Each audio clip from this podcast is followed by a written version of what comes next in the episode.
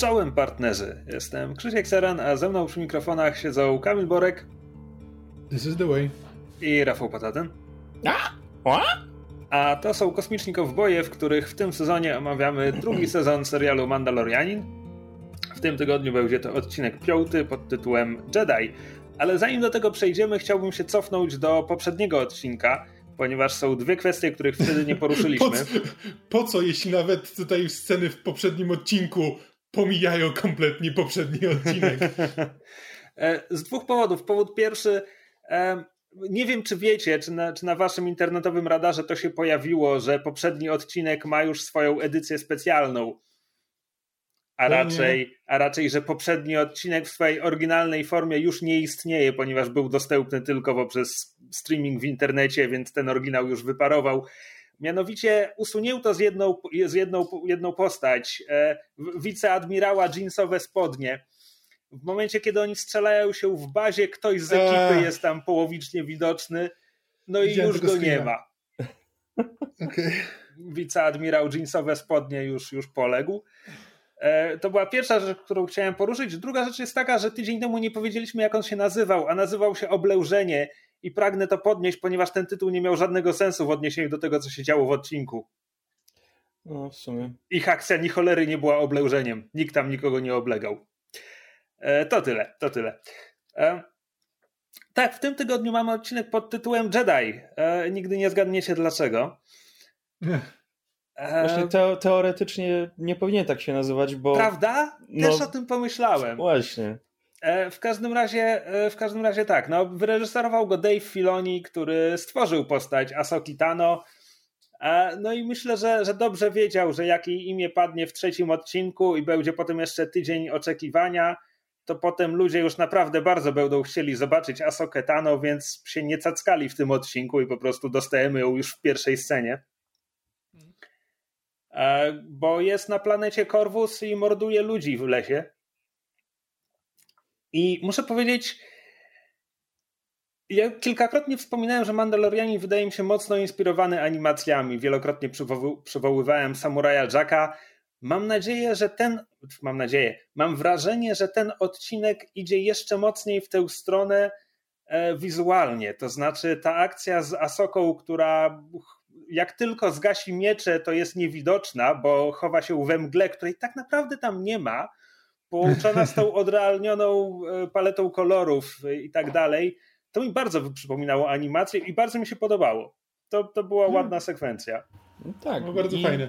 No i też jakby po, pokazało jej finezję połączoną z bezwzględnością i no i mamy w końcu po, porządny użytek mie, mieczy świetlnych, tak? Znaczy w ogóle scena, scena z drzewem mi się bardzo tak, podobała. Znaczy, tak, to było świetne. Znaczy manewr z drzewem. O nie, chowam się za drzewem. O nie, one ma miecze, które I, ta, i takie, drzewa bez problemu. I takie właśnie też kreskówkowe, że owszem, tutaj tylko jedno drzewo padło już po, po całej akcji, że już wszyscy pokonani i potem dopiero opadają rzeczy, które ścięła przy tak, tak. okazji, tak? A w ogóle chciałem powiedzieć, że to jest jeszcze w tej scenie są pik Gwiezdne Wojny, to znaczy, wiesz, mamy, mamy to uniwersum science fiction i komunikatory i tego typu rzeczy, ale do bitwy wzywają gongiem.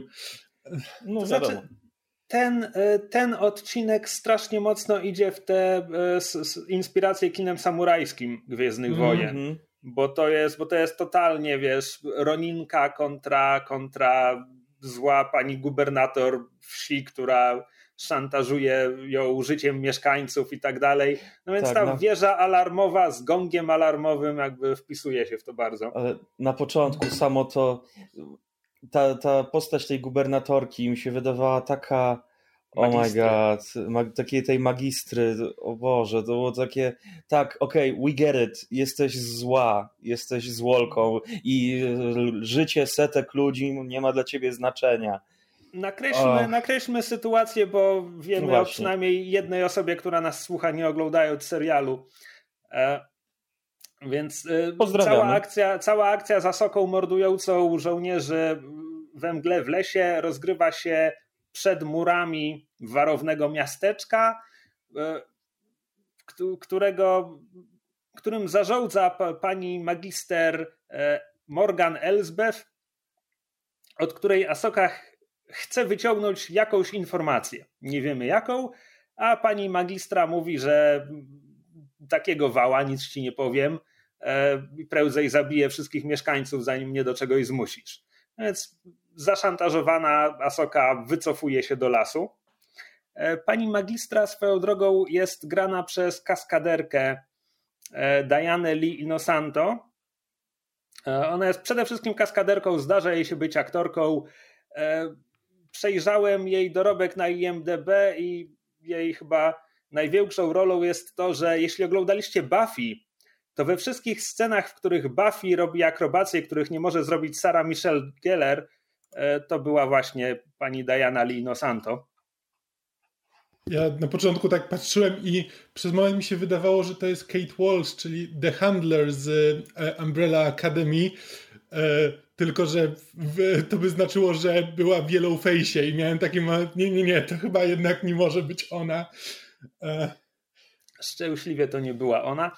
E, towarzyszy jej jeszcze najemnik imieniem Lang, którego wymieniam tylko i wyłącznie dlatego, że gra go Michael Bien, e, bo zasadniczo postać nie, nie odznacza się niczym w tym odcinku. Ale Michael Bien, wiadomo, jest ikoną kina gatunkowego lat 80., ma za sobą Obcego 2 i Terminatora, także warto wspomnieć. Zupełnie właśnie tak patrzyłem na niego i zapomniałem sprawdzić, kto to jest. Ka Jakoś tak wyglądał znajomo. Ej. Ojej, jejku, jejku, ile to lat. Nie cierpię współczesnej rzeczywistości, ponieważ muszę teraz y, dodać oryginalny Kyle Reese, bo przecież legenda kina, ten tam Jay Courtney, czy jak on się nazywa, grał go w tym fatalnym filmie. On się tak nie nazywa. O kim myślę? Nie, dobrze mówisz, Jay Courtney. Tak, dobrze mówię.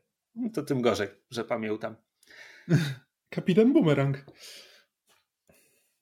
E, tak, w związku z czym e, Asoka wycofuje się do lasu, bo no mimo wszystko nie chce, nie chce e, ryzykować życia mieszkańców wioski. I akcja przenosi się w kosmos na pokład Razor Cresta, którym Mando leci z cudzysłów małym jodą, zamknąć cudzysłów. Mamy powrót do tego, że mały Joda pożąda tej błyszczącej gałki z tej jednej dźwigni, co to było w pierwszym sezonie. No, naprawili Razor Cresta, więc porządną gałkę też mu nową przysposobili. No. no. E, tak, ta, ta gałka zniknęła. No, nie na, potrzebuje na... wiele, ale dobrze wie, czego chce. e, szybko loadują na planecie Corvus. E, Teraz jest dzień, więc widać ją trochę lepiej. Wciąż jest brudno-brunatna. E, muszę powiedzieć, że ta sceneria bardzo kojarzyła mi się z Morrowindem. E, ta paleta kolorów i zwłaszcza te stworzenia na długich, cienkich nóżkach to praktycznie Silt Stridery. Nie, nie mówię, że to świadome nawiązanie. Właściwie to bardzo wątpię, żeby to było świadome nawiązanie. E, po Ale czym... tak słodko wcinają suche drzewa. Po czym tak? Nawet nie zwróciłem na to uwagi. Gdzieś w tle w jednym momencie sobie tak. no, wcina drzewo. Takie te, wielkie, te wielkie słonie się żywią po prostu chrustem. Wiesz co, muszę, muszę się przyznać, że oglądałem ten odcinek e, przed południem, a siedzę przy oknie i mój ekran jest ciemny. W związku z czym są elementy tego odcinka, które przegapiłem kompletnie, bo on był dość ciemny. E, także, także może dowiem się czegoś jeszcze. W każdym razie Mando, Mando wchodzi do miasteczka, znaczy zostaje zatrzymany przed bramą i przesłuchany, e, kim jest i po co tu przyszedł, ale ostatecznie zostaje wpuszczony. Po czym na ulicach miasteczka próbuje porozmawiać z lokalesami, e, którzy nie chcą z nim rozmawiać. Wręcz, e, wręcz jeden w końcu odważa się, zdobywa się na to, żeby powiedzieć mu: nie powinieneś z nami rozmawiać, czy my nie powinniśmy z tobą rozmawiać, coś w ten deseń. No i zaraz potem przychodzą żołnierze magistry, żeby zaprowadzić Mando przed jej oblicze. E... Żołnierze, żołnierze oczywiście są w, w, pełnych, w pełnych hełmach i tak dalej, żeby nie było nam ich szkoda, nie było ich szkoda, kiedy będą zabijani w końcu. Tak, aczkolwiek aczkolwiek e, napisy dla niedosłyszących doprecyzowują, że to są kosmici, a w każdym, a w każdym razie, że posługują się kosmicznym językiem. No bo mają, mają też te każdy maski. w tym serialu jest kosmitą. Nie, mają no maski no nie, do no... oddychania, co, co by jakby pokazywało, że, że nie, są, nie są ludźmi. No właśnie, nie każdy w tym serialu jest kosmitą, bo jest tu od cholery ludzi. W zasadzie większość jest ludźmi zazwyczaj. Podkre no, podkreślam tak, ale to, jakby podkreślam jeśli to, bo w momencie... z innej planety, to są kosmitami. No tak, no ale w momencie, gdy mamy zamaskowanych, opancerzonych, złych statystów, to zazwyczaj są szturmowcy, no tak. którzy walczą dla zdominowanego przez ludzi złego imperium, tak? E, w każdym razie, tak, więc e, Magistra oferuje Mandalorianinowi deal, to znaczy oczywiście mhm. prosi go, żeby zabił Asokę Tano. No, chyba nie nazywa jej z imienia, więc prosi, prosi go, żeby zabił Jedi. W zamian oferuje mu swoją e, piękną włócznię, ponieważ jest w posiadaniu włóczni z Beskaru. Ponieważ Pedro Pascal do gry o Tron się uczył walczyć włócznią, więc no trzeba mu dać dzidę, no. W sumie nie pomyślałem o tym. Pierwsze co pomyślałem, jak tylko na początku trzymała tą włócznię, oho. Też, też kompletnie o tym nie pomyślałem. Ciekawe. No, Myślę, że będziemy świadkami pięknych młynków i wal walki między Pedro a e, tym Mofem Gideonem. Znaczy, przy czym z drugiej strony Pedro nie jest na planie. Ale może do tej walki akurat będzie. No.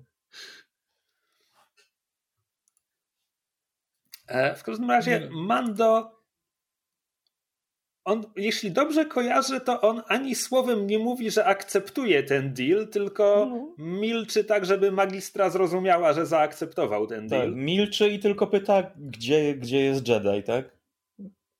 Nie, nie, nie, nie zgodził się na, na, na nic. Znaczy, on nawet, no nawet mówi później, jakby, że jakby dosłownie mówi, rozmawiając z Zasoką, że na nic się, na nic się nie zgodził. Mhm. No więc zostaje skierowany e, we właściwym kierunku i idzie w las. E, po drodze ma jeszcze jedną rozmowę z Langiem, ale nic z niej nie wynika, więc pomijam. E, po czym idą w las, w lesie nic nie widzą i oczywiście kiedy zatrzymuje się, żeby obejrzeć teren przez lunetę, to jest w Gwiezdnych Wojnach ten moment, jak przykładasz coś do oka, to ktoś cię zaatakuje pije do oryginalnej trylogii, gdzie Luke zostaje zaatakowany przez Tusken Raidera po tym, jak oglądał teren przez lornetkę. E, I do Imperium kontratakuje, gdzie został zaatakowany przez łampy po tym, jak oglądał teren przez lornetkę. Zasadniczo nie należy tego robić. W tym Czemu wypadku... nadal produkują lornetki? niby masz się, żeby się rozejrzeć po ten, po okolicy, a tak naprawdę jesteś tylko wystawiony na atak. Tak, no i w tym momencie Mando zostaje zaatakowany przez Asokę i dostajemy może 20 sekund walki, e, w której Mando zasadniczo jest w defensywie przez cały czas, co jest o tyle zrozumiałe, że jakby nie przyszedł tutaj, żeby jej zabić. E, więc po kilku efektownych manewrach z wykorzystaniem miotacza ognia i tej, tej linki, co wylatuje z nadgarstka, Mando ten przerywa walkę, deklarując, że został tu przysłany przez Bokatan i że chce porozmawiać, no a Asoka zauważa małe zielone i mówi, mam nadzieję, że o nim. E, po czym dostajemy jedną z wielu długich, milczących scen, bo jest noc i Asoka sobie siedzi i telepatycznie komunikuje się z małym zielonym przy ognisku, a Mando krąży dookoła. E, mówię jednej z wielu, bo to jest odcinek, w której jest bardzo dużo takich cichych scen. W sensie nie, że no, stonowanych no, i tak dalej, tylko dosłownie cichych, pozbawionych dialogów. Znaczy, po prostu biorąc pod uwagę, że jakby jak sam powiedziałeś, to jest, jest wzorowany na kinie samurajskim, to tak dziwne by było, gdyby się teraz zaczęli obawiać tej ciszy. Tak. E, po czym akurat dość nietypowo czekaj, chciałem powiedzieć dość nietypowo jak na ten serial, bo dostajemy taki bardzo konkretny infodump, mhm. ale w sumie no, mieliśmy już kilka takich, takich scen, ale zwłaszcza dwa tygodnie temu, kiedy Bokatan tłumaczyła Mando, na czym świat stoi. E, no tak, ale tutaj, ale tutaj Asoka Tano mówi nam, jaka jest historia Małego Zielonego. Mówi nam przede wszystkim, że nazywa się Grogu, i mi się to zawsze będzie kojarzyło, że czy, nie wiem, czy jego rodzice byli na statku pirackim i byli alkoholikami. I Dziecko po, Grogu. Po prostu zawsze wołali Grogu, Grogu i ono już pomyślało, że, że to jest jego imię. Oh, wow. To by musi być bardzo tak ciężko było. oglądać Kanon. cokolwiek.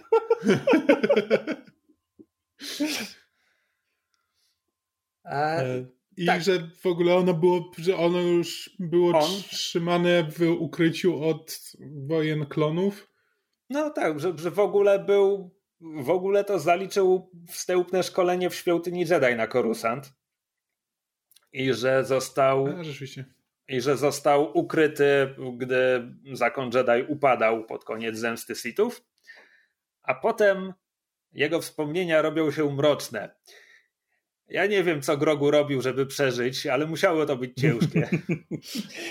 No, biorąc pod uwagę, co widzieliśmy, że już zżerał w tym serialu, to prawdopodobnie to i tak są naj, najmniej obrzydliwe rzeczy, którymi musiał nie się wiem, posiłkować. Może tańczył za żaby. no, God. Musiał, w salonie no, wyparł, wyparł parę pewnie takich scen. To są mroczne wspomnienia, nie? Nie chcę do nich wracać. Tak, no Mando, Mando dowiaduje się też, że Asoka znała innego zielonego, bo Joda zostaje wymieniony z imienia. I właśnie tutaj dzięki temu, że wiemy, że on był, jak miał szkolenie i był ukryty przy, podczas wojny klonów, on może być synem Jody. Czy, czy no, Twórcom znaczy... Gwiezdnych Wojen bardzo ciężko jest się powstrzymać przed tym, żeby każdy był krewnym każdego innego, więc mm -hmm. zaczynam się tego obawiać poważnie. Znaczy... Nie widzę innej możliwości w sumie. Nie, czekaj, mo zawsze może być jeszcze synem Palpatina. No tak. Albo jeszcze się... była ta, ta, ta yy, jodynka z... Jadł. Z, jadł właśnie. Właśnie, e, szczerze mówiąc, jako oczywiście fan Gwiezdnych Wojen i wiedzy bezużytecznej, e, zatrzymałem się przy tym zdaniu Asoki, że znała jedną inną taką istotę e, i potem zacząłem kombinować, czy Asoka nie powinna była jednak przynajmniej być świadoma istnienia Jadl. Ale z drugiej strony Jadl widzimy w Mrocznym Widmie, a potem już nie, więc jeśli jej się szybko zmarło było, to może Asoki jeszcze nie było na świecie w tym momencie. Tam Zatem, jeśli Asoka mówi, margines. że znała jedną taką, no to wiesz, mogła wiedzieć o istnieniu Jadl, ale jej nie znać. No może, może. A też biorąc pod uwagę, e, jak ten, e, że Filoni jednak e, woli czerpać z rozszerzonego uniwersum niż podstawowego.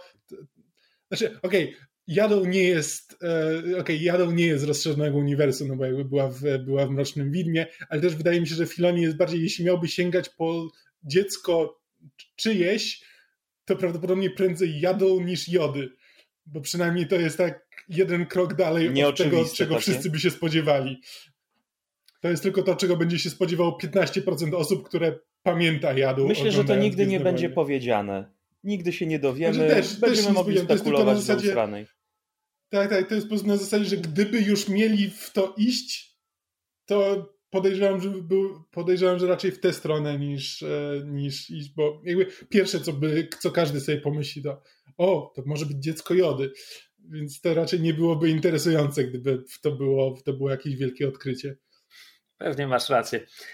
E, w każdym razie tak, więc po, po tej rozmowie Asoka deklaruje, że podda Grogu próbie i następnego dnia poddaje go próbie przesunięcia kamyka mocą, e, co e, Grogu okazuje się być e, uparty i zasadniczo nie realizuje poleceń Asoki, w związku z czym Asoka stwierdza, że w takim wypadku Din powinien e, wydać polecenie.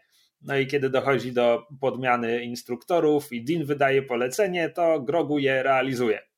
Znaczy prawie, bo zamiast kamienia woli te, czeka na błyszczącą gałkę.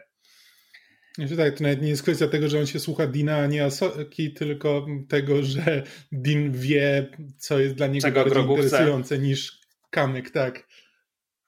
No możliwe, możliwe. E, I po tej próbie Asoka stwierdza, że Grogu oblał i że nie może go wyszkolić. I tutaj w zasadzie dostajemy dialogi z Mrocznego Widma, mm. bo Asoka stwierdza, że Grogu jest bardzo mocno przywiązany do Dina a ponieważ jest tak mocno przywiązany, to odczuwa strach i dlatego to jest bardzo groźne i że lepiej go nie szkolić, lepiej, żeby jego więź z mocą osłabła i poszła w zapomnienie, niż Bo nawet ryzykować... najlepsi z nas potrafią upaść, tak? Bo tu Tak, już mamy niż- do, idealnie do Vadera. niż, niż ryzykować kolejnego Vadera. Tutaj może powinniśmy w końcu wyjaśnić, bo może słucha nas ktoś, kto nie oglądał seriali animowanych, kim właściwie jest Ahsoka Tano e, i o co w tym wszystkim wchodzi. Ale zanim to zrobimy, mogę tylko powiedzieć, że sugerowanie, że Anakin Skywalker był najlepszym z Jedi i to, że upadł, świadczy o zagrożeniu tego wszystkiego. Anakin Skywalker był dość dosłownie najgorszym z Jedi, ponieważ upadł, obok były tysiące innych Jedi, którym się to nie zdarzyło. Z definicji to czyni go najgorszym Jedi, nie najlepszym.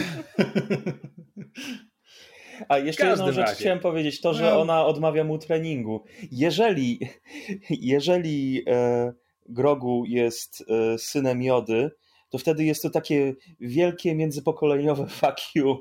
Tak, ty nie chciałeś Joda, Joda, nie chciałeś szkolić Anakina, bo w nim jest dużo, dużo strachu. Hmm, w twoim dziecku też jest dużo strachu. Może, a może Asoce chodziło tylko o to, że jakby znaczy mówiła, że najlepszy, ale pod tym względem, że najbardziej midichlorian, najmidichlorianowszy. O, o, w ogóle cicho, cicho. Już mieliśmy midichloriany w Nie, tym nie używamy już- słowa na M. Mutant? Dobrze, W współczynnik każdym M. razie. Mm. A, więc Ahsoka Tano. Ahsoka Tano jest na pierwszy rzut oka jest po prostu postacią e, z fanfika wklejoną do Gwiezdnych Wojen, bo jest dosłownie młodocianą, wszechstronnie uzdolnioną dziewczyną, która zostaje uczennicą głównego bohatera prequeli, czyli ona jest padałanką Anakina Skywalkera. Pojawia się zaraz po wojnach klonów, fu, zabrecę, zaraz po ataku klonów w serialu Wojny Klonów i pozostaje jego uczest, uczennicą przez prawie całe Wojny Klonów. W ogóle e, ten, ten początek jakby, ponieważ ona wyglądała jakby urwała się z fanfika, nazywała Anakina Sky Guy, on ją nazywał Snipes. To było wszystko takie bardzo twee i jakby ludzie jej nienawidzili na początku. Teraz ją kochają i uwielbiają, ponieważ rozwój postaci. E, teraz tak. Jak już parokrotnie mówiłem w tym podcaście, ja zrobiłem trzy podejścia do wojen klonów i nie dałem rady, więc to, co wiem o Asoce, pochodzi bardziej z rebeliantów i tego, co tam wiem przez osmozę. No bo w Rebeliantach Ahsoka- była lepszą postacią, generalnie. bo Ahsoka e, rozczarowuje się zakonem Jedi i odchodzi z niego przed końcem wojen klonów. E, Co jakby wciąż, wciąż bierze udział w samych wojnach, wciąż musi ten uciekać przed klonami, gdy pada rozkaz 66, ale ona nigdy nie kończy szkolenia, oficjalnie nie, nie jest Jedi, e, ponieważ opuściła zakon. Teraz tak, z pewnej perspektywy można powiedzieć, że Ahsoka Tano jest zasadniczo główną bohaterką Gwiezdnych Wojen, znowu, bo jest fanfikowym self-insertem, no ale brała udział w Wojnach Klonów, znała się osobiście z Anakinem i Obi-Wanem, 20 lat później pomaga założyć Sojusz Rebeliantów w serialu Rebelianci. E, No i jak widzimy, jest aktywna 10 lat później. E, W Rebeliantach oczywiście jest już dorosła, ponieważ upływ czasu pomaga założyć Sojusz Rebeliantów. Walczy w Dochodzi- pewnym momencie z Vaderem. Tak, dochodzi do konfrontacji z Vaderem, o którym dowiaduje się, że to Anakin i przegrywa, ale jak widzimy, przeżywa. Po czym i tutaj robi się ciekawie, bo technicznie rzecz biorąc, epilog rebeliantów już się wydarzył. To znaczy, jest jakieś źródło, które datuje go na rok po powrocie Jedi. Co jest o tyle dziwne.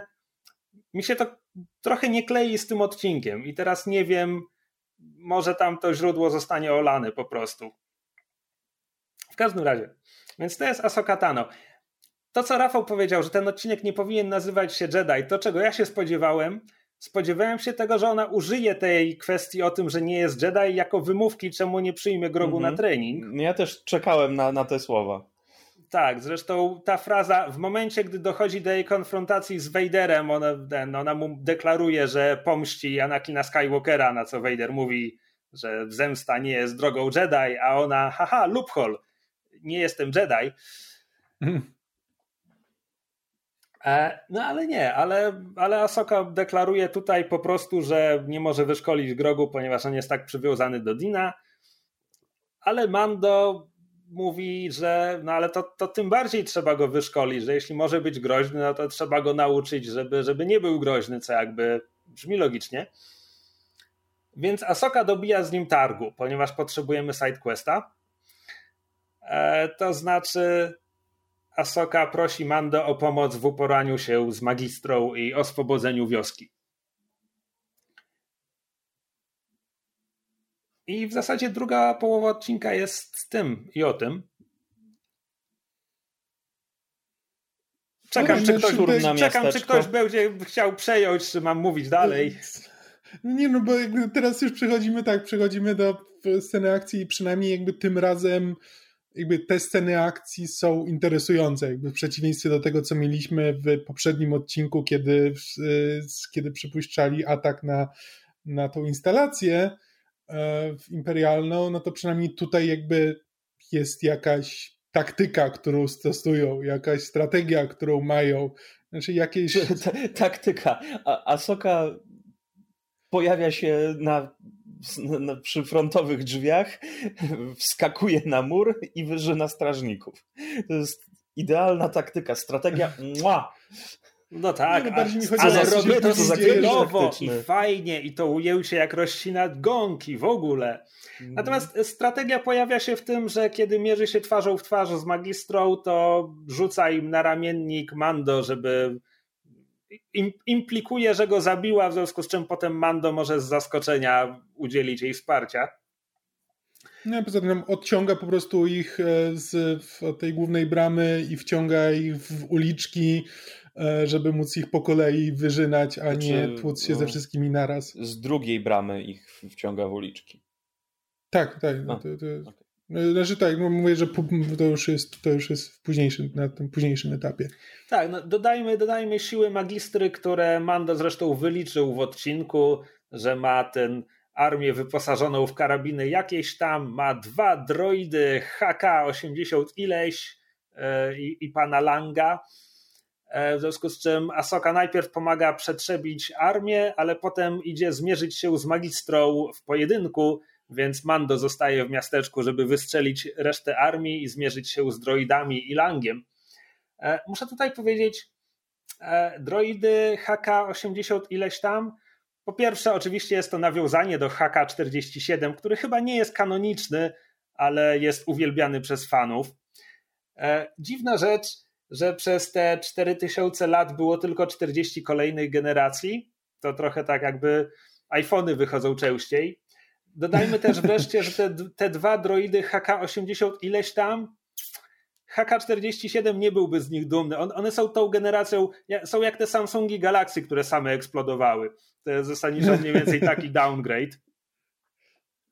Ale podobało mi się, jak się poruszały. Znaczy, jak się jeden z tych no droidów spina na dach. się na dach, tak. To, jest, tak. to był jego moment chwały. Tak. No tak, i to wszystko. Właśnie nic, żad, żadnego zagrożenia tak naprawdę nie, nie sprawia. Tak spodziewałem się, u te droidy przyboczne, magistry, to przynajmniej będzie jakiś problem z nimi, tak, że nie wiem, przyprą do muru, że będzie musiał się schować. No nie, po prostu no, równie dobrze mogłyby być to stare, dobre Roger Roger. Trochę tak. I też jakby w tych scenach większe na znaczeniu zyskuje ten przechodzień, którego Mando zaczepił jak, i który jako jedyny odezwał się do niego choć paroma słowami. Jedyny, którego e... chyba twarz widzi. A nie, dobra, jeszcze ta, ta co się sprzedawała na ulicy jedzenie, ona jeszcze, jej twarz widzieliśmy, a tak to wszyscy dzieci pokryci. Mm, jed... Na pewno jedno z tych dzieci było w kapturze, że nie widać było twarzy. No, nieważne. Może. E...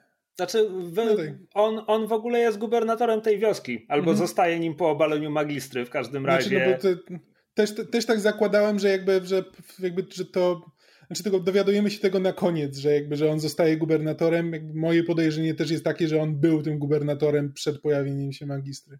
Bo to by było trochę dziwne, gdyby go tak na zasadzie wybrali w, pier no, w pierwszej wiesz, godzinie. On jako jedyny pokazywał jakąś odwagę, tak? On chciał wybiec, hmm. uwolnić tych więźniów. No, tak. E, tymczasem Asoka staje oko w oko z magistrą Morgan e, i zaczyna się pojedynek, ponieważ magistra oczywiście posługuje się włócznią z Beskaru. Asoka ma swoje dwa miecze świetlne. E, tak, mamy bardzo dużo takiego, takich stand-offów, że krzyżują broń i patrzą na siebie. Potem mówisz, że, że magistra generalnie była kaskaderką, tak? Więc ona sama chyba wykonywała swoje stanty. Tak bym Tutaj zakładał. Na, począt na początku miałem wrażenie, że ta aktorka nie potrafi walczyć i dlatego mamy stand-offy skrzyżowaną broń z jej twarzą, a potem z daleka będzie dopiero jakaś walka, bo na początku no, tej walki naprawdę byłem zawiedziony, bo tylko krzyżowanie mieczy i, i, i, i tyle. Znaczy tak, no bo to, to, też jest takie, to też jest taka samurajska walka, że właśnie, znaczy z filmów samurajskich, że po prostu tak najpierw stoją, stoją przed sobą i najpierw się mierzą wzrokiem, potem tam uderzą parę razy tylko tak, żeby zbadać przeciwnika i dopiero na koniec, na koniec się zaczyna rzeczywiście jakaś walka. Znaczy, do, dodajmy, dodajmy w ogóle, że ta walka toczy się na mostku nad oczkiem wodnym, e, w ogródku Zen. Jakby tych wizualnych nawiązań jest tutaj -hmm. od mhm. cholery. Brakowało tylko tego drewnianego żurawia, który by stukał, kiedy woda na kapie. Tak, I śniegu, i plam krwi Okej, okay, no teraz myślisz tylko konkretnie o Kill Billu, a to tak, jakby... To... tak, ewidentnie. Ewentualnie jeszcze płatków wiśni. Coś Lecących na, na wietrze i robiących, robiących takie, taki świderek.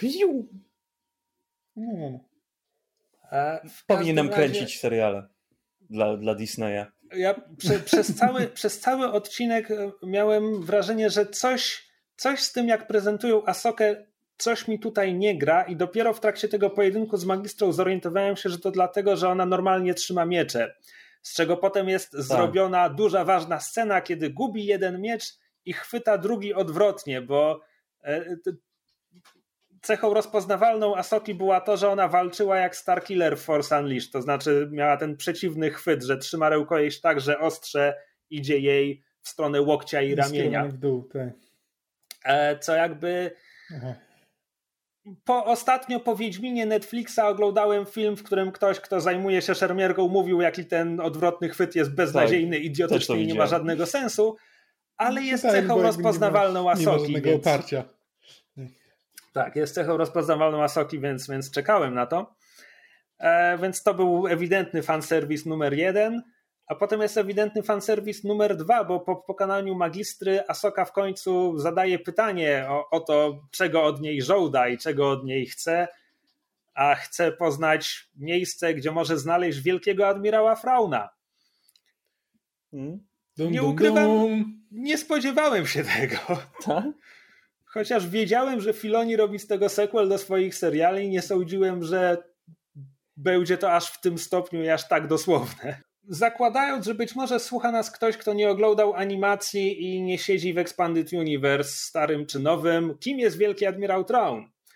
No jest admirałem i jest wielki.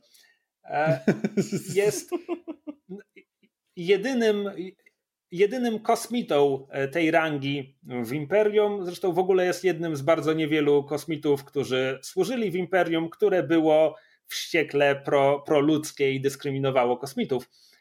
Przynajmniej w starym Expanded Universe. Nowe, mam wrażenie, trochę olewa ten temat. E, do tego był e, przedstawicielem tajemniczej, nieznanej szerzej w galaktyce, tajemniczego, nieznanego szerzej w, w galaktyce gatunku Chisów, co w tym momencie w tym momencie kanoniczny status tego jest trochę dziwny, bo Chisowie są w The Old Republic jako sprzymierzeńcy Imperium Sithów i biją się z Republiką, ale to jest tysiąc lat wcześniej, więc może po prostu świat o nich zapomniał, a poza tym nie wiem na ile The Old Republic jest kanoniczne w tym momencie. Znaczy, no Wiesz co, tutaj ludzie mają, ludzie mają taką pamięć w tym uniwersum, że po 30 latach już nie pamiętają o Jedi, więc... E, no, okej. Okay. E, w każdym razie, tak, więc e, Wielki Admirał Traun w pewien sposób symbolizuje Expanded Universe, ponieważ był antagonistą w tak zwanej trylogii Trauna, czyli trzech książkach napisanych przez Timothy'ego Zana w latach 90., bez których zasadniczo nie byłoby Expanded Universe na taką skalę, na jaką ono istniało, bo przed Zanem ukazały, ukazywały się książki gwiezdnowojenne, które nie obchodziły nikogo. Natomiast e, książki Zana stały się bestsellerami i po nich jakby Lucasfilm, czy tam odpowiedni podwydział, e, zaczął je produkować masowo. W sensie do tego stopnia, że kiedy Expanded Universe zostało olane przez Disneya, to na tym etapie to już było powyżej 200 książek.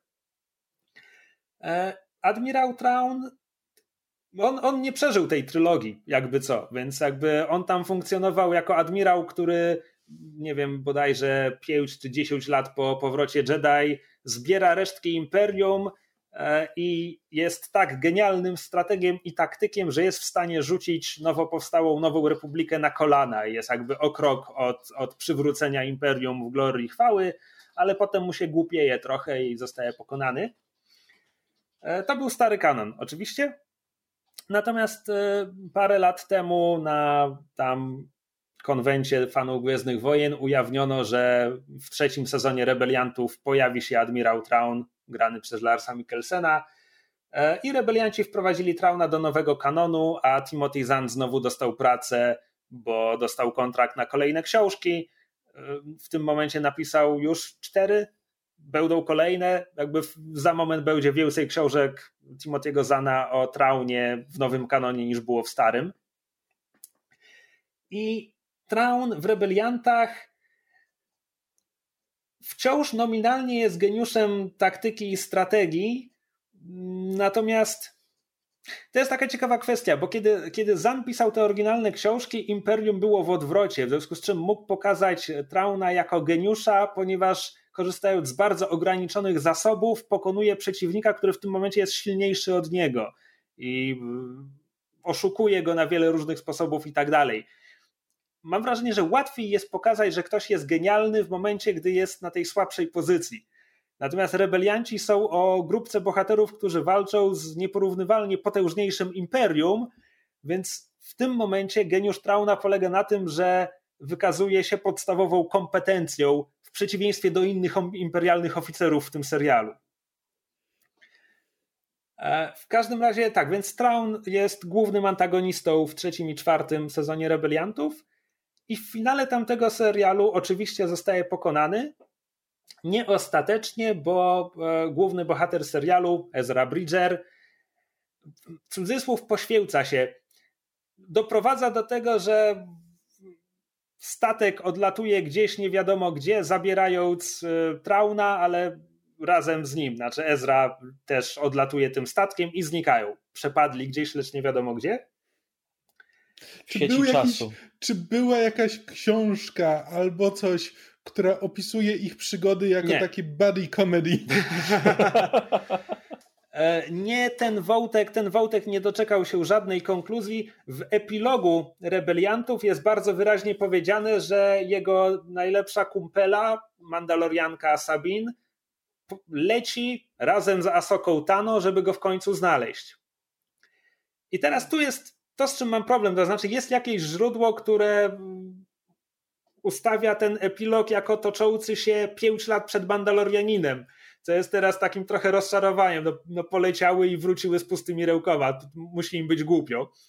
Albo, hmm. albo znalazły, tylko jeszcze nie no, ale wiemy to wtedy, Tam była, opo- tam była historia do opowiedzenia. To jest też głupie, jeśli to się wydarzy poza kadrem. Jakby... No racja. Albo... Hmm. Znaczy, mo, moim zdaniem, dla mnie to się najlepiej układa, jeśli to jedno źródło, które ustawia ten epilog jako toczący się lata po Mandalorianinie, zostanie olane i po prostu jakby, nie wiem, sezon trzeci Mandalorianina pokaże nam tę scenę jeszcze raz, wprowadzając Sabin i wtedy sobie polecą i to będzie fabuła na następny sezon. Nie wiem, tak tylko mówię, że coś mi tutaj zgrzyta, ale to jest detal. W każdym razie tak, więc to jest, to jest Admirał Traun. W trakcie tego pojedynku Asoki z magistrą jest jeszcze, e, to się ładnie po angielsku nazywa standoff, nie bardzo wiem jak to nazwać po polsku. taki pojedynek, zanim dojdzie do wymiany strzałów, bo Lang rozmawia z Mando. To jest bardzo fajna scena. Oni stoją na głównej uliczce tego miasteczka i przysłuchują się odgłosom walki. Zresztą Asoka i Magistra brzmią jak tenisistki w tym momencie, żeby ta scena miała, miała choć odrobinę sensu. E, więc oni się tak przysłuchują, przysłuchują, no i Lang mówi, no, że może twoja strona wygra, może moja strona wygra. W końcu słyszymy, jak tam ta bezkarowa włócznia upada na ziemię. Lang mówi, twoja strona wygrała. I ja miałem szczerą nadzieję, że on się stąd po prostu wycofa, bo temu serialowi no. przydałby się taki autentycznie amoralny najemnik łowca nagród, który byłby odpowiednikiem Mandalorianina, bo nie ma tu takiej postaci. Lang mógłby nią być, ale nie, on po tym jak zadeklarował, że to nie jest sprawa, za którą on chce umierać, postanawia umrzeć za sprawę i byłem bardzo rozczarowany.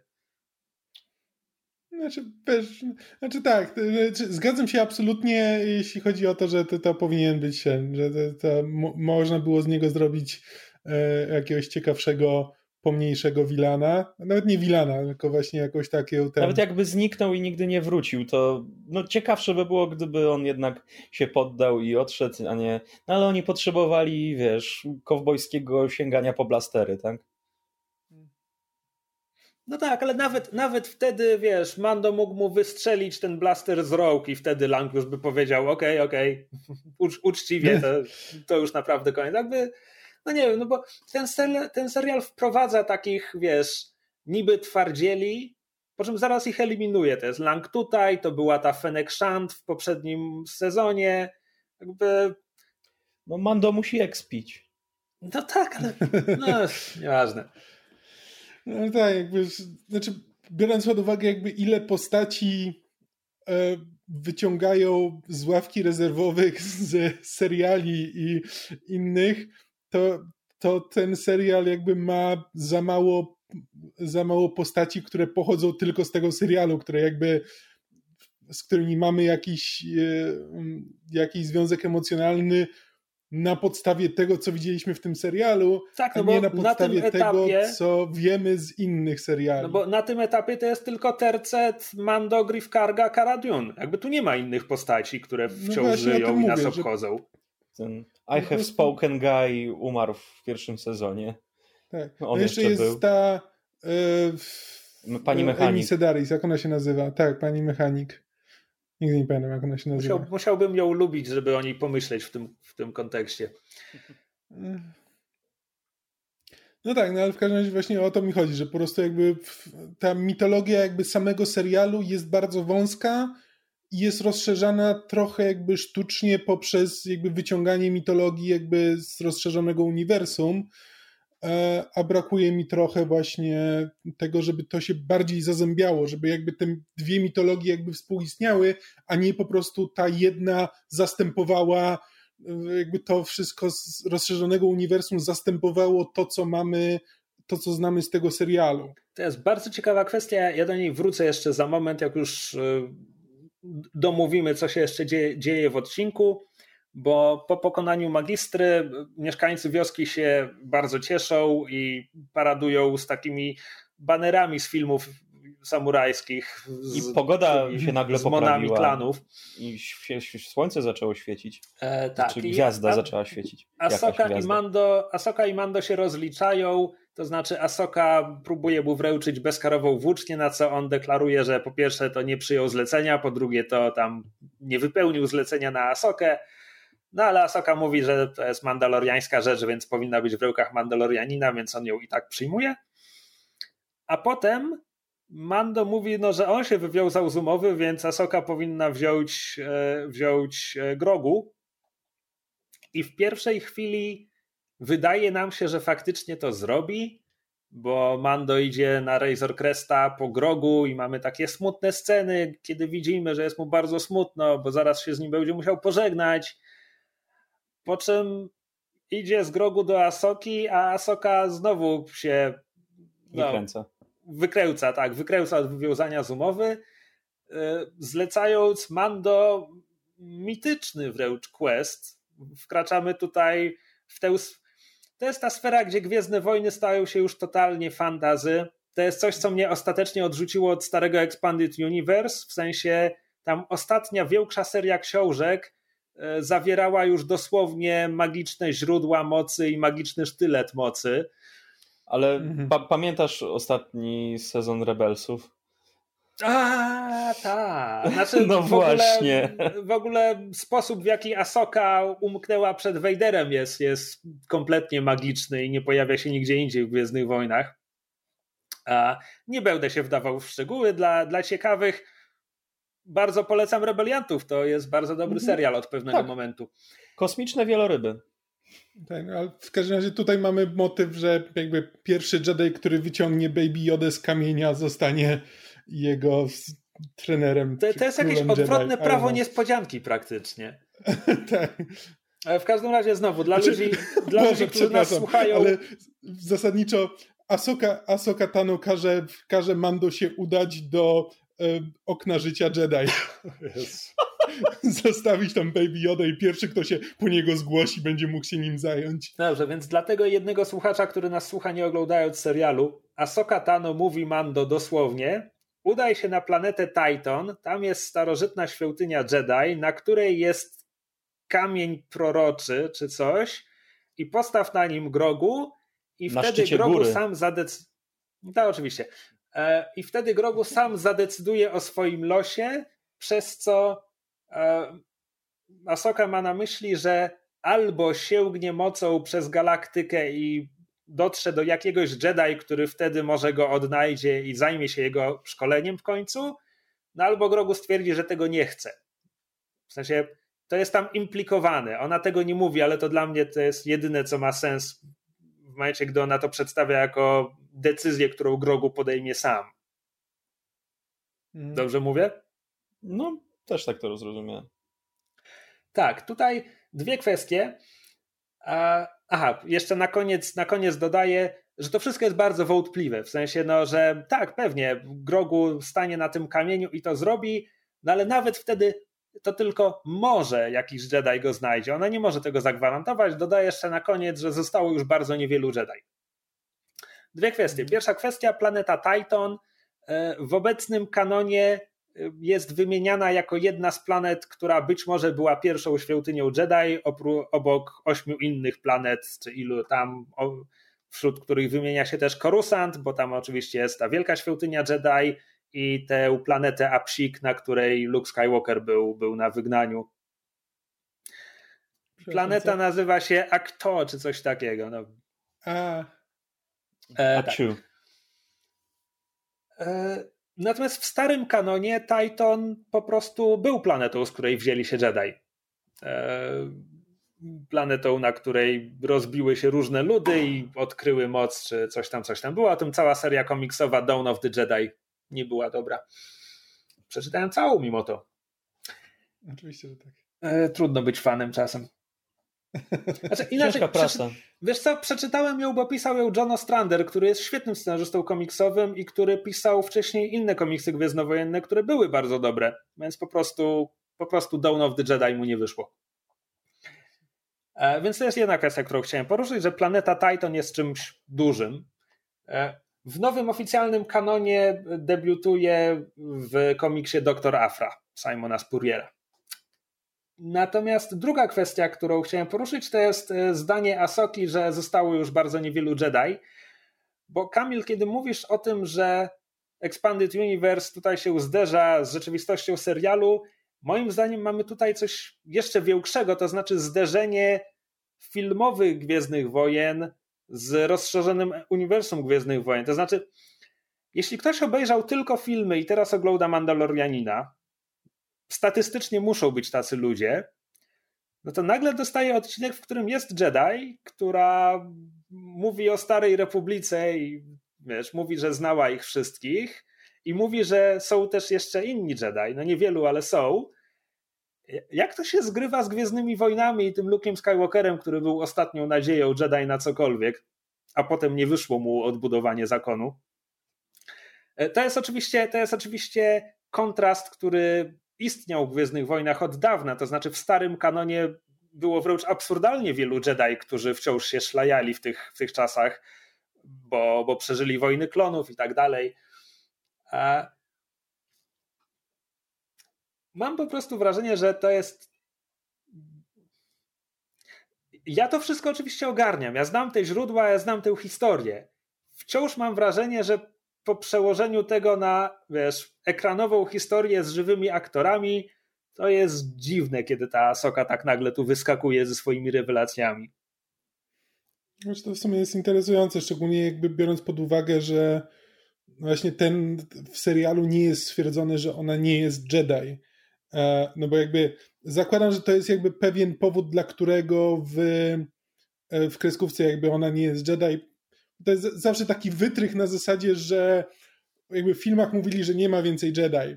No ale tutaj mamy, mamy, mamy Jedi, więc ona się po prostu nie nazywa Jedi i nie uważa się za Jedi, więc to jest taki wytrych, że okej, okay, więc, więc Obi-Wan nie kłamał, mimo że Obi-Wan kłamie jak znud za każdym razem, kiedy otwiera paszczę. E, no ale to już inna sprawa.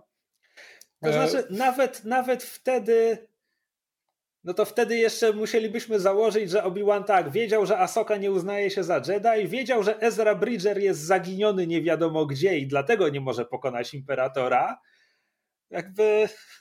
Mm, no musimy no założyć tak, bardzo wszystko... dużo dobrej woli, żeby to wszystko. Oczywiście jakby. Ja, to jest zawsze grubymi nićmi szyte, no. Oczywiście odpowiedzią, która jakby tłumaczy Expanded Universe jest po prostu to, że uniwersum Gwiezdnych Wojen jest dużo większe niż może się wydawać oglądając tylko filmy i po prostu ci wszyscy inni ludzie toczą swoje walki i mają inne przeznaczenie i dlatego żadne z nich nie mogło, wiesz, przylecieć w powrocie Jedi pomóc Luke'owi. Hmm. Musimy się wtedy zapytać, na ile to wytłumaczenia ma ręce i nogi. Z narracyjnego punktu widzenia tak, ma sens. No to są, to są inne historie o innych bohaterach. To jest, przeskakując konwencję, to jest to pytanie zawsze, ale, ale czemu Spider-Man nie wezwie Avengers na pomoc w tym momencie? No, tak. Bo to jest komiks Spider-Man i to nie jest ten zeszyt, w którym robimy crossover z no. Avengers. Znaczy tak, no to jest, to, jest, to jest niestety ten problem, kiedy jakby mamy rozszerzone uniwersum, które składa się z osobnych historii, a później próbujemy to wszystko połączyć w jedną i nagle tych szwów które trzeba, którymi trzeba to wszystko połączyć, robi się coraz więcej i więcej i tak naprawdę trzeba po prostu przestać na to trzeba zwracać uwagę, bo inaczej można coraz oszaleć. Coraz grubszych i grubszych nici. Tak, dokładnie. E, znaczy wiesz, no to, to, to jest to jest coś, do czego myślę, że fani z Gwiezdnych Wojen są po prostu przyzwyczajeni i e, jakby tak, no to jest, to są fajne rozmowy, które można toczyć z, e, właśnie ze znajomymi na temat tego, że w jaki sposób można by było wytłumaczyć te wszystkie te wszystkie nieścisłości w tych historiach i można sobie dopowiadać różne rzeczy, które nigdy nie będą miały sensu jakby w ogólnym, no ale to są po prostu takie rzeczy, o których ludzie lubią rozmawiać i kombinować. Tak. Um, tak ogólnie, to jak wam się Asoka podobała? Grana przez Rosario Dawson, co mówiliśmy tydzień temu, ale nie dzisiaj. Mm, świetna była, moim zdaniem. Znaczy, dawno bardzo nie widziałem Asoki tej kreskówkowej i ciężko mi sobie przypomnieć, jak ona wyglądała, ale jak na tą Asokę Tano, którą teraz widzimy, tą już trochę starszą, z większą ilością doświadczeń i trochę ścioraną przez życie, no myślę, że, że, że dobrze. Taka badass badass Jedajka, no, nie, która nie jest Jedajką. Znaczy, tak, no ja nie znam, nie znam Asoki z seriali, więc nie, nie jestem w stanie porównać jakby jak to charakterologicznie Ona była wypada. bardzo idealistką taką na początku, taką wiesz, takim dzieciakiem, który rwał się do wszystkiego i zawsze uważała, że trzeba wszystkim pomóc i ten taki, wiesz, taki good kid, który trzeba, którego mm. trzeba strofować, znaczy, bo się wyrywa jest... za bardzo. No ale znowu, znaczy, na, jest... na początku wojen klonów jakby. No tak, tak. Na koniec wojen klonów już taka nie, nie do końca taka jest, a potem mm. Rebeliantach jest jeszcze bardziej inna. Znaczy, no właśnie to jest to, na czym ja się zatrzymałem, że jakby, jakby mniej więcej to, z tego, co ja wiem o Asoce Tano, nie oglądając tych seriali, to właśnie w mojej głowie jakby się zatrzymało na etapie, że to jest jakby ta e, Jedi, która jest bardzo ideali, idealistyczna, w związku z czym, kiedy tutaj jest przedstawiona jako właśnie taki badass, który jakby wyżyna, e, wyżyna w dziesiątki tych żołnierzy, to jakby to, to, nie jest problem, bo jakby nie mam żadnego przywiązania jakby do tej postaci, tylko miałem takie, o, okej, okay, dobra, to jest jednak trochę inna postać niż się, e, niż się spodziewałem. Coś się po drodze wydarzyło. no tak. Ja mam z nią taki dziwny problem, z nią i z Bokatan właściwie. Nie potrafię, jakaś zapadka w głowie nie może mi przeskoczyć i ja nie potrafię w nich zobaczyć tych postaci na, na ekranie oglądam te odcinki i mam wrażenie, jakbym oglądał e, fanfilm z bardzo dobrym, ale cosplayem. Mhm. I trochę... Też miałem takie wrażenie, że te, to, ta charakteryzacja e, jakby jest bardzo fajna i jakby też z, dwóch, z dwojga złego wolę, żeby to był cosplay, który wygląda trochę jak cosplay, niż bardzo mocno podrasowane e, jakby efekty specjalne ale rzeczywiście jakby było coś w tym, co po prostu sprawiało, że Rosario Dawson w tej, w tej charakteryzacji wyglądała trochę jak zabawka, czy po prostu jakby było w niej coś takiego trochę odczłowieczonego, że jakby.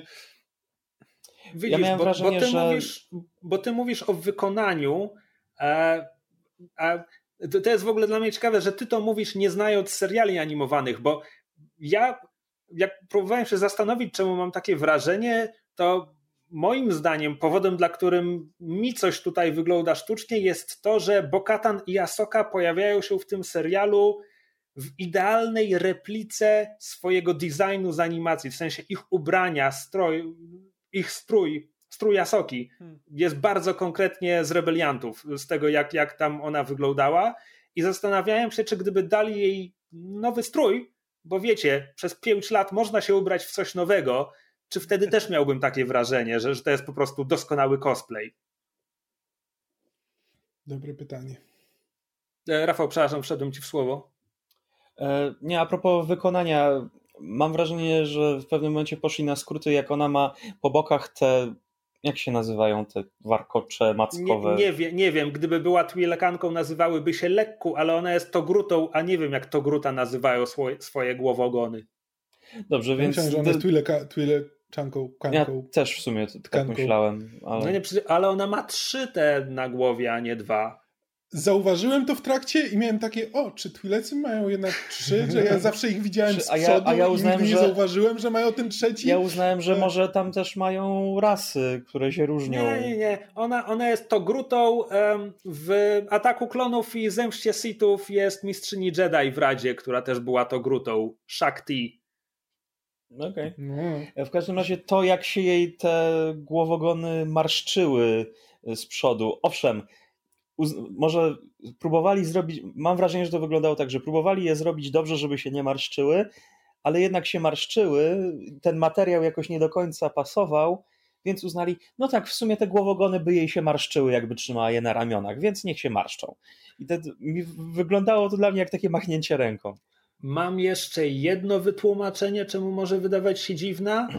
E, I jest ono takie, że została zaprojektowana na potrzeby serialu animowanego, który miał swoją bardzo konkretną stylistykę i jak spojrzysz na Asokę, to jest to jest design, w którym się dużo więcej dzieje wizualnie niż u wszystkich innych głównych bohaterów Gwiezdnych Wojen. W sensie ona ma te kolorowe głowogony, ona jej skóra jest kosmicznego koloru, ma jeszcze te białe wzory na twarzy, to jest po prostu to jest inna stylistyka mm niż aktorskie Gwiezdne Wojny tak naprawdę. To prawda, że to są takie kolory, kolory do kreskówki, które jakby no. się wybijają i jakby i w kreskówce to wygląda normalnie, natomiast nagle w połączeniu z, ze stonowanym światem Mandalorianina e, to się strasznie wybija. Wyobrażacie sobie jakby, Krzysiek, wyobrażasz sobie jakby oni Zeda chcieli tutaj teraz wprowadzić? nie, ale chciałbym to Kamil, zobaczyć. Ty możesz kojarzyć Zeda jest... z Heroes e, z gry. Nie, no, przed, przede wszystkim e, w Fallen Order mistrz Kala Kestisa, Jaro Tapal z retrospekcji jest z tego samego gatunku. To, to, to, to, to, są, to jest ten udawany czubaka? Tak. Znaczy w sensie na, na podstawie oryginalnego rysunku koncepcyjnego okay, dla czubaki, wiem, tak. To wiem, wiem. Dobra. No, Jakby tutaj go chcieli to, zrobić. Będzie to dziwne. E, znaczy, wiesz co, no to są, to są różne media wizualne i te konwersje w różne strony działają różnie, że tylko przypomnę, jak nieszczęśni Łuki wypadli i w grze Fallen Order, i w serialu Rebelianci. Po prostu, kiedy, mhm. kiedy próbują w grafice komputerowej zrobić Łukich, to nagle się okazuje, że technologia na to nie pozwala. E, jeszcze dwie uwagi co do tego, jak Asoka jest zrealizowana na ekranie. To znaczy, uwaga pierwsza, przychodzi do Mandalorianina ze swoją muzyką. E, nie wiem, czy to jest muzyka z Wojen Klonów, znowu nie pamiętam serialu, na tyle nie obejrzałem całego, ale totalnie jest to nuta, która była w Rebeliantach, kiedy Asoka się pojawiała i słuchać ją też okay. w tym odcinku, nie co do, doceniam, tego. bo daje mi taką ciągłość. Druga rzecz, i znowu to jest coś, przez co miałem wrażenie, że jest coś dziwnego w Asoce, jej miecze świetlne są ciche, to znaczy one nie brzęczą ciągle, kiedy ona jest na ekranie. I czy one w ogóle dużo bardziej wyglądają jak świetlówki niż zazwyczaj miecze świetlne wyglądają tak. jak świetlówki. No tak bo bardzo... są białe, więc nagle jest to dziwne, ale, ale one autentycznie w Mandalorianinie są niemal kompletnie ciche. Ja że zacząłem teraz powtarzać sobie sceny z rebeliantów, czy, czy to jest po prostu element zachowany z tamtego serialu tylko nie mogę znaleźć sceny, w której Asoka miałaby włączone miecze, żeby ktoś inny nie miał włączonego miecza, więc nie mam pojęcia, który miecz jak mhm. bzyczy, więc... Właśnie wydawały mi się takie dziwne, bo normalnie te miecze świetne miały jakby bardziej jaśniejsze centrum i troszeczkę fej, fejdowały na zewnątrz, a no te są kolor, trochę jak dmuchane tak, balony. Po prostu takie i takie wypełnione całe mi się wydają trochę. No, no znowu, no bo jest białe światło, trudno, trudno zrobić odcienie bieli. Nie wiem. No tak. Jeśli o mnie chodzi, e, to poza jakimś ogólnym podsumowaniem, jak nam się ten odcinek podobał, e, mam, chciałem jeszcze zaproponować czcze spekulacje na temat tego, co się stanie, jeśli Grogu stanie na proroczym kamieniu na Tajtonie. Znaczy właśnie, ja dlatego chciałem zapytać, że właściwie jacy nam Jedi zostali w tym uniwersum, Słuchaj, którzy ewentualnie mogliby się zgłosić po Gdyby, Jak gdyby to było gdyby to było stare Expanded Universe, to po prostu możesz przebierać w, w Jedi, bo oprócz Luka Skywalkera Quinlan Vos przeżył rozkaz 66. Jest taki mistrz Jedi Kruk, który nie tylko przeżywa rozkaz 66, e, ale on zostaje członkiem nowej Rady Jedi 100 lat po wydarzeniach z filmu w ogóle, a jest ze Starej Republiki. Czy czy Mara Jade miałeś, została miałeś Kyla Katarna, miałeś Kama Solusara, który co prawda był upadłym Jedi w tym momencie, ale wystarczyło, żeby Luke Skywalker powiedział mu ej, ogarnij się i on znowu został jasnym Jedi. E, Rzeczywiście. Przepraszam, co mówiłeś? Pytałem, czy Mara Jade została kiedyś Jedi. E, Mara Jade zostaje Jedi dopiero po trylogii Trauna, dopiero kiedy Luke ją tam, wiesz, znaczy nie, ona tak naprawdę musi, musi zabić klona Luka, żeby, żeby spełnić ostatni rozkaz imperatora, znowu poprzez kruczek prawny yy, i dopiero wtedy w końcu uwalnia się od jego wpływu i Słuchaj, to, że trylogia Trauna była kultowa i legendarna i ogólnie całkiem dobra, nie znaczy, że nie było tam idiotycznych scen i wątków. E, w każdym Wydaje razie... mi się to interesująca luka prawna, e, szczególnie biorąc pod uwagę działalność łowców nagród. Czy łowca nagród, gdyby stworzył klona swojej ofiary, zabił tego klona, to mógłby go zwrócić? I ile razy mógłby zwrócić tego klona, żeby odebrać za niego nagrodę? O Jezu, to, to jest temat na jakieś opowiadanie gwiezdnowojenne. No ja myślę, że skoro Thrauna już wprowadzili, to, to teraz tylko jeden mały kroczek i będziemy mieli Ezrę. To znaczy, to zależy. E, to zależy, bo mamy wzmiankę o Fraunie, ale teraz na przykład jest pytanie, czy, czy to jest w tym serialu po to, żeby wprowadzać nowe wątki do tego serialu, czy to jest tutaj po to jako tak zwany backdoor pilot dla kolejnego serialu hmm. aktorskiego lub animowanego? W tym momencie ewidentnie swobodnie skaczą między tymi dwoma medium. Media. Była mowa o jakimś serialu o Traunie na przykład? Dotąd nie. Mhm. Dotąd nie, no po prostu rebelianci kończą się takim bardzo, bardzo otwartym zakończeniem, które domaga się do powiedzenia. E, w każdym razie, znaczy, bo, no bo jeśli wzmianka o Traunie jest tutaj dlatego, że Traun się pojawi w, Mandal w Mandalorianinie, no to widziałbym to w ten sposób, że Gideon jest bossem na drugi sezon, a od kolejnego sezonu będziemy mieć Trauna. Można to zawsze powiązać tak, że Gideon pracuje dla Frauna, chociaż wydaje się być zbyt krwiożerczym idiotą jak na Frauna, ale są różne interpretacje wielkiego admirała, niektóre głupsze od innych. Natomiast e, ja się zastanawiam, e, czy, czy to faktycznie oznacza, że zobaczymy Ezra Bridgera w Mandalorianinie.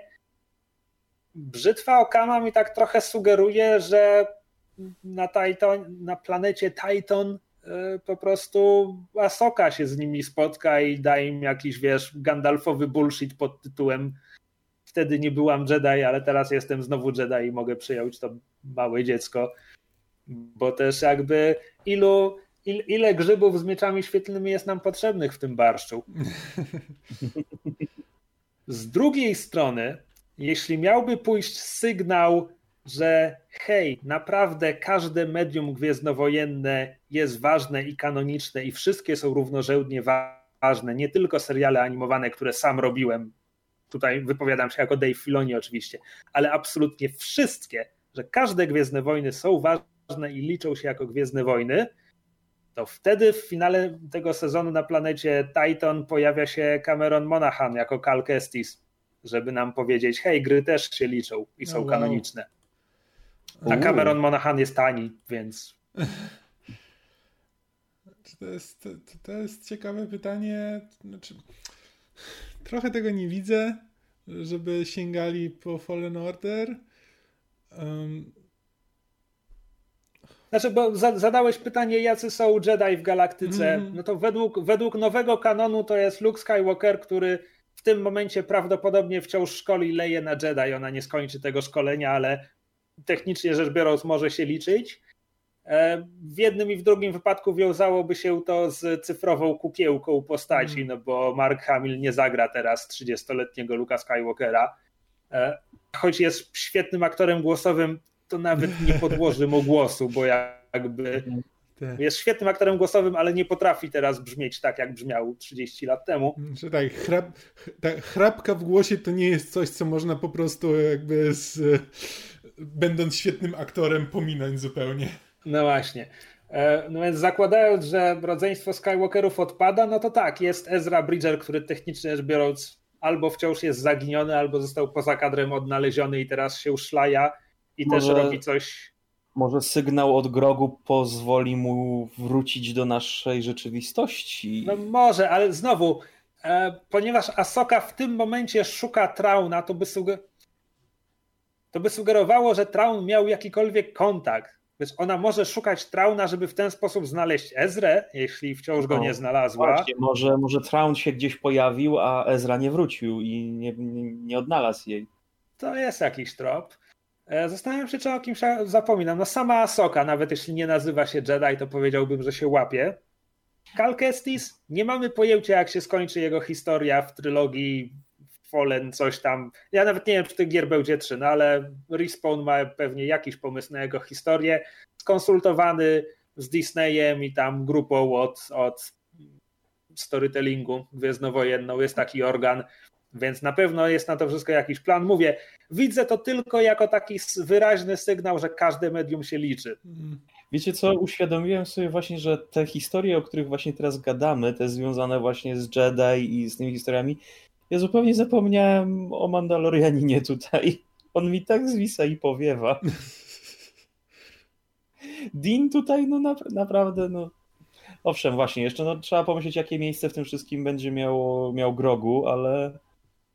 Znaczy, właśnie, ale... właśnie dlatego ja się zastanawiam, czy ta wzmianka o Traunie jest tutaj dlatego, że on faktycznie przyjdzie do tego serialu i, i czy faktycznie sięgnął po Ezra Bridgera, bo wtedy wtedy naprawdę Mandalorianin stanie się po prostu rzepem na ogonie mm. tego psa historii Jedi z rebeliantów i tak dalej. Znaczy, to jest właśnie, no, to jest on, właśnie on się to, co... stanie przypisem we własnym serialu wtedy. Znaczy, to jest właśnie dokładnie to, co, to, o czym mówiłem jakby w kwestiach jakby łączenia tych mitologii, no, że to nie są równorzędne jakby mitologie dwóch seriali, tylko po prostu widać dokładnie co jest bliższe sercu Filoniego e, i na czym mu naprawdę zależy. No ale to jest właśnie dlatego powód, dla którego zastanawiam się, czy ten odcinek, który właśnie obejrzeliśmy, to nie jest tak, że okej, okay, tutaj macie swój fanserwis, tu jest to wszystko, czego oczekiwaliście i Jasoka szuka sobie Trauna, ale to nie będzie temat Mandalorianina. Tylko zostaniemy z Mando i Grogu i poznamy ich historię. Znaczy ja mam taką e, Natomiast, nadzieję, że e, jeśli do, chodzi... do Gideona i jakby jego, mhm. jego wątku, bo on na razie jest traktowany trochę po macoszemu, znaczy, że to jest po prostu przypominamy, że on tam gdzieś jest co jakiś czas, ale póki co jeszcze nic nie zrobił, więc czas byłby najwyższy. Prawda. E, no i oczywiście to jest znowu czcze, czcze wróżenie z fusów i tak dalej, wymyślanie własnej historii, e, ale Mandalorianin zasadniczo jako serial może być jako prequel następnej, dajmy na to, trylogii filmów gwiezdnowojennych, tylko w ten sposób, że jeśli wiesz, Kathleen Kennedy kiedykolwiek puści się tego, że w Gwiezdnych Wojnach muszą być rebelianci i szturmowcy, i na przykład następna trylogia rozgrywa się 100 czy 200 lat w przyszłości, no i wtedy Grogu jest, wiesz, tym Jedi, który szkoli bohatera, czy, czy coś takiego. Mam, mam wrażenie, że ta postać może być po prostu budową fundamentów na daleką przyszłość. Ja mam pytanie, bo właściwie kompletnie nie mogę sobie przypomnieć, czy bo była kiedyś mowa o tym, że Ryan Johnson ma nakręcić e, trylogię jakby w zupełnie innej części galaktyki i tak dalej, zupełnie niezwiązano z tym, co się dzieje. I ja nie wiem, czy po prostu nie było żadnego potwierdzenia, że to już się nie odbędzie, czy ja po prostu je porzuciłem, puściłem mimo uszu, bo bardzo bym chciał, nie chcę w to wierzyć. Nigdy nie zostało powiedziane, że on tego nie zrobi. Natomiast sam Ryan Johnson, z tego co kojarzę, mówił, że no na razie to w żaden sposób nie postępuje mm, do mhm, przodu. Jasne. E, jakby w tym momencie. Ja nawet nie pamiętam, czy w ogóle jest jakiś film zapowiedziany na zasadzie, że tak robimy to, mamy twórców i tak dalej. Jakby goście od Gry o Tron mieli mieć własną trylogię, ale nie będą jej mm. mieli. Znaczy ja się zastanawiam, czy wiesz, szczególnie biorąc pod uwagę teraz obecną sytuację, czy jakby Lucas Arts nie zaczyna jakby bardziej... Lucasfilm. E, Lucasfilm zaczyna myśleć poważniej o e, jakby o serialach i jakby trzymaniu się seriali, bo jakby nawet No tak, kiedy... tak, jakby ser seriali jest mnóstwo, jakby oglądamy drugi sezon Mandalorianina, e, będzie kręcony Obi-Wan tak. z Iwanem McGregorem, będzie serial o Kasjanie Andorze, prequel do Rogue One. Zapomniałem prequela. Film, film o rebelianckim szpiegu, e, tfu, serial. Serial o rebelianckim szpiegu. Mam wrażenie, że zapowiedziano coś jeszcze, ale w tej chwili mi umyka. E, więc, więc tak, no bardzo idą w te seriale. E, mam wrażenie też, że muszą się ogarnąć z filmami, w sensie oni byli bardzo rozczarowani wynikami solo. E, ostatecznie Rise of Skywalker, chociaż zarobił kokosy, mam wrażenie, że ostatecznie zarobił mniej niż ostatni Jedi, więc pewnie też są srodze rozczarowani. Hmm. Tutaj dodaję Asterix, że tak naprawdę nie sprawdziłem, jakie były ostateczne dochody. Że tak, no, Dajmy jakby, na to dane z tego roku. w tym momencie jakby podejrzewam, że cały Disney jakby zastanawia się co dalej, bo nawet kiedy jakby kina wrócą, to wrócą w bardzo osłabionej formie, bo jakby już w tym momencie zaczynają upadać nawet te największe sieci, jakby to AM, AMC w Stanach ma ogromne problemy i nie wiadomo, czy przetrwa to w ogóle, więc e, Wiesz, bezpieczniej jest widziałem... planować teraz seriale niż filmy. Znaczy, jeśli chodzi o, o, rynek kin i tak dalej, widziałem też taki argument, no, że tak upadają właściciele kin, ale nie budynki, a szczepionka jest za rogiem, więc może się po prostu okazać, że rok 2021 będzie rokiem wykupywania sieci kin przez po prostu nowe korporacje. Nowe korporacje przez Disneya. Przez Disneya. O Boże. I made myself sad. Dobrze, e, do brzegu w takim razie. Jakby podsumowując, znaczy ja, e, ten odcinek mi się podobał, mimo że jakby trochę, trochę mnie martwi jakby co właśnie oznacza, czy to jest jakiś trend dla tego serialu, e, jakby to czerpanie z, z szerszej mitologii, czy to jest po prostu, tak jak mówisz, taka odskocznia chwilowo, taki trochę fanserwisu, a później wracamy do historii, którą ten serial opowiada, a nie, mhm. a nie dwa inne seriale. Właśnie. Najlepiej oceni mi się ten odcinek, jak zobaczę następny. To prawda, że to będzie tak, ale jakby tak sam, sam z siebie on wciąż był, wciąż był fajny. Znaczy, no, dużo takiego standardowego... Najlepszy w tym właśnie... sezonie? Jeżeli chodzi o historię? Bardzo możliwe. No, nie potrafię sobie przypomnieć z tego sezonu odcinka, który by mi się bardziej podobał. Że mimo wszystko ja chyba wolę pierwszy. E, Co było w pierwszym odcinku? E, walka z... Polowanie na smoka i Timothy Olyphant. A, okej, okay, okej. Okay. No tak, no to porównywalne. Tam jakoś tak, to, znaczy ponieważ głównie właśnie dlatego, że pierwszy odcinek był jakby zamkniętą całością, był jakby Mandalorianinem w takiej swojej pigułkowej mhm. formie Tutaj jakby tutaj jest dużo takich rzeczy, co do których nie jestem pewien i które właśnie ocenimy dopiero, kiedy będzie, e, będzie coś więcej. ale po prostu, ale przyjemnie mi się go oglądało. Nie, nie zrobił na mnie jakiegoś wielkiego wrażenia, ale, ale na pewno szczególnie po poprzednim odcinku to, to jest powrót do formy. Nie, ja nawet kilka razy miałem ciarki. Hmm. Oglądałem sobie, wiesz, ten moment, co tam właśnie Ashoka z, z Grogu się komunikuje i tak dalej. To jakby miałem taką ciarkę właśnie tak, tak. Anticipation. Jest, jest, jest, naprawdę fajne, że jakby coś tutaj się, coś tutaj się dzieje i jakaś tam... No pchnęli naprzód tę fabułę. Tak. No, dla, dla mnie to był jeden z najlepszych odcinków serialu z tych mhm. 13, które na razie były. Aczkolwiek jestem, jestem świadomy, że ten, ten odcinek zawierał fanserwis, który był wykierowany między innymi we mnie, więc wiem, wiem, wiem na co dałem się uzłapać tutaj. Sure. Mhm. No e, to chyba wystarczy. Zbierzemy mhm. się ponownie za tydzień. Tymczasem dziękujemy słuchaczom za uwagę. Chętnie przyjmiemy wszelkie komentarze. Y, nie wiem, jeśli słuchacie tego na YouTubie, no to pod filmem na YouTubie. E, polecamy też zapoznać się z fanpage'em podsłuchane.pl na Facebooku, e, gdzie też wrzucamy odcinki, też można je komentować. E, a jeśli lubicie klimaty kosmosu i kowbojów, to polecamy SSV Amsterdam, naszą przygodę w świecie Mass Effecta, która zawiera wspólne elementy z tymi wymienionymi rzeczami. To nie no, okay. co? Do usłyszenia za tydzień. Do usłyszenia za tydzień. Na razie. Boj, boj. Boj.